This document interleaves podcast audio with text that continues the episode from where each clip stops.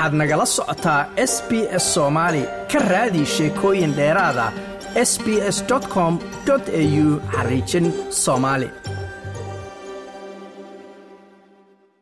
waxaa maalintii sabtida ahayd ee bisha oktoobar ay ahayd labaiyo labaatanka xarigga laga jaray dekedda cusub ee garacad mashruuca dhismaha dekeddan oo soo socday laga soo bilaabo sannadkii labadi kun iyo lix iyo tobankii ayaa ahaa fikradda ganacsato soomaaliya oo iyagu go'aan ku gaaray inay rumeeyaan riyo iyo hami dheer oo soo socday muddo kontomeeya sana ah. Wuxuuna ku bilowday mashruuca dekeddu shan iyo labaatan ganacsataa oo kiiba bixiyey shan iyo labaatan kun oo doolar furitaanka wejiga hore ee dekedda ayaa waxaa ka soo qayb galay madax ka kala yimid dowladaha deriska dowladda federaalka soomaaliya iyo maamul goboleedyada qaarkood.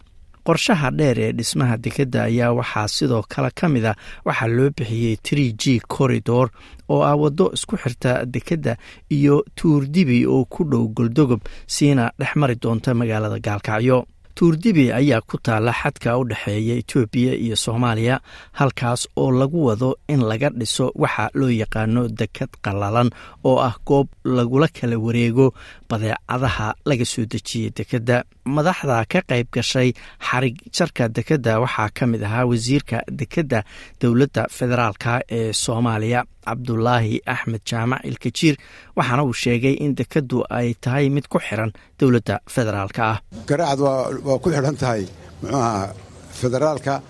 Waana rajaynaa muxuaha inta kale ee boosaaso iyo kismaayona inay nagu soo xidhmaan si dhaqsa haddii alla yari.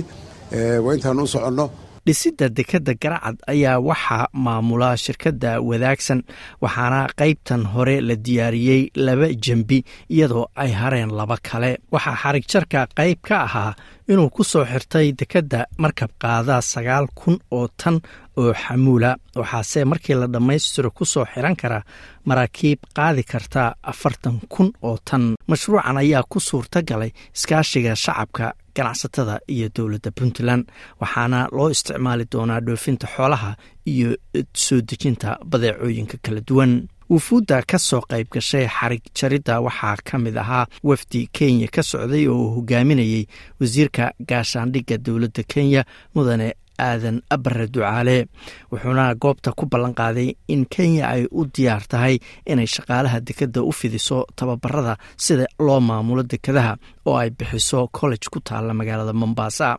Wasiirka ayaa sheegay in mashruucanu yahay kii ugu horreeyey oo noociisoo kale ah oo ganacsato iyagu isxilqaameen ay dhiseen. Inaan ku faraxsannahay inay ganacsatada ama private sectorga ay isku imaan karaan oo deked noocan dhisi karaan. Hadda weli laguma arkin east and the horn of africa. Marka waxay noqonaysaa case study. Waxaa rabaa ragga iyo haweenka dekedan dhiseen in loo duceeyo la garab istaago dowladaha dowladda puntland iyo dowladda sare ee soomaaliya ay garab u noqoto dowladda etoobiya oo lagu wado inay noqon doonto dalka aad uga faa'iidi doona dekedda garacad ayaa waxaa xarig jarka ku matalayay wasiiro ka socda dowladda federaalka iyo madaxweynaha dowlad deegaanka soomaalida mustafe maxamed cumar cagjar madaxweyne cagjar ayaa sheegay in isku xirka dowlad deegaanka soomaalida iyo dekeddu uu horeba u bilowday haddana ay soo wadaan wadooyin cusub oo fududayn doona ganacsiga labada dhinac in waddo laamiya oo isku xidha magaalada qabridahar iyo wardheer ay hadda dhammaad tahay oo ay dhammaanayso. Taasoo jirta inay jirto waddo kale oo la qorsheeyey oo ka soo bixi doonta dhagaxbuur awaare danood ilaa iyo gallaadi imanaysa oo iyaduna ku jirta qorshaha in la sameeyo. Waxaa loo baahnaan doonaa in la soo gaarhsiiya ilaa tuurdibi laakiin shaqadaasi marka ay dhammaato waxay xoojin doontaa ka shaqaysiinta dekeddan haddii aa la yidhaah. Sidaad la socotaan dalka etoobiya waa dal shacab fara badan leh ganacsi badan ka socdo dhaqaaluhu korayo. Waxaa sii kordhi doonta baahida loo qabo in la isticmaalo dekedo fara badan. Madaxweynaha maamul goboleedka koonfur galbeed cabdicasiis xasan maxamed laftagareen oo xafladda ka soo qayb galay isagoo hogaaminayay wafdi ka socda maamulkiisa ayaa sheegay in arrintani ay tahay mid lagu daydo. Marka waxay tan tahay taariikh fiican oo nala tusay oo u baahan inaan ka faa'iidaysanno wax ku dayasho mudan baa la suubiyey. Ganacsatada kaleo soomaaliyeedna ay ku taliyaan gaar ahaan waa joogaan ganacsatadii reer koonfur galbeed.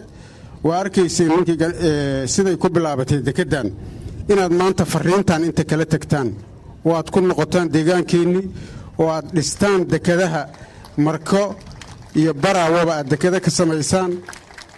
Sida ay dekedda garacad loo dhisay jidkii loo maray aa u martaan. Dadkii waa joogaa dhaqaalihii waa jiraan ganacsatadii waa jirtaa. Dad kaloo soomaaliyeed baa hataa la heli karaa soomaali waxay leedahay noqonaysaa madaxweynaha dowlad goboleedka puntland siciid cabdulaahi deni ayaa isna u mahad celiyey dhammaan wufuuddii ka soo qayb gashay xafladda iyo dadkii qaybta ka soo qaatay dhisidda dekeddan maanta hadal badan halka iigama furna.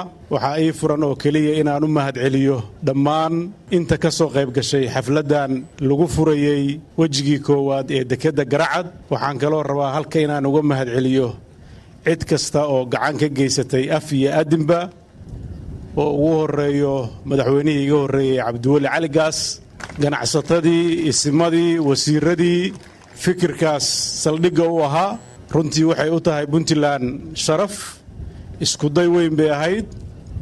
Waxaa saldhig u ahaa inay dekeddan maanta hirgasho go'aankii dowladda puntland ay qaadatay iyo hantidii ugu horraysay oo dowladda puntland ay gelisay in lagu bilaabo ganacsatadii ku dhiiratay iyo guddigii hawshaas fikraddeeda riixayay oo runtii maanta sharafta u weyn ee iyagu leeyihiin ee wadaagsin.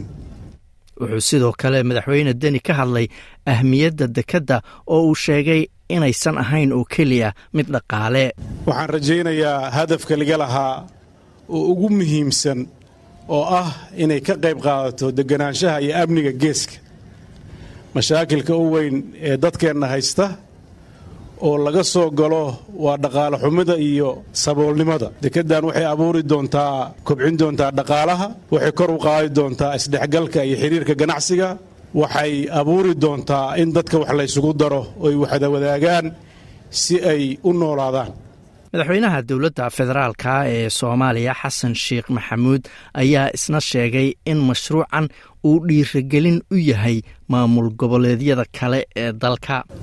In dekeddan la dhiso oo lagu dhiso weliba xoog iyo xoolo iyo caqli dad baraybida ay leeyihiin oo dowladda puntland mahada ka gaartay ee inta muxuu ah ayadu door ka qaadan karta ka qaadatay aad iyo aad ayay runtii waxay u tahay wax dhiiragelinla dowladaha kale ee xubnaha ka ah dowladda federaalkane tusaalay u tahay in dadka markii la abaabulo in ay wax qaban karaan waxna qabsan karaan.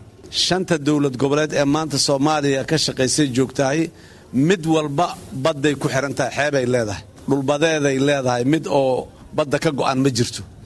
Marka mid walba in ay sidaanoo kale meelaha ay badda uga agaadan tahay meeshii ku habboon ee istaraatiijig ah inay dekad ka samayso intay doontaba hadla ekaatee waa dhab madaxweyne xasan sheekh ayaa intaasi ku daray in horumar kasta oo laga fuliyo ama laga sameeyo gobol ka mida soomaaliya uu yahay mid soomaaliya oo dhan guul u ah isagoo madaxweynuhu goobta kaga dhawaaqay in dowladda federaalka ay bixin doonto qarashka lagu dhisayo waddada isku xiraysa dekedda garacad iyo tuurdibi oo ah xadka etoobiya ay la leedahay soomaaliya. Hadalkaas madaxweynaha oo dadkii goobta ku sugnaa ay aada u soo dhoweeyeen.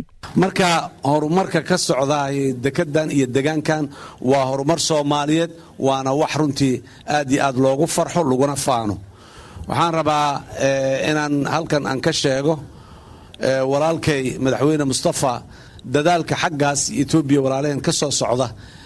Maxaan ku irahdaa xuduudda infrastructureka xuduudda soomaaliya iyo etoobiya inay isku xirmaan oo ay sahlanaato in labada dhinac laysaga socdo ka hadlay.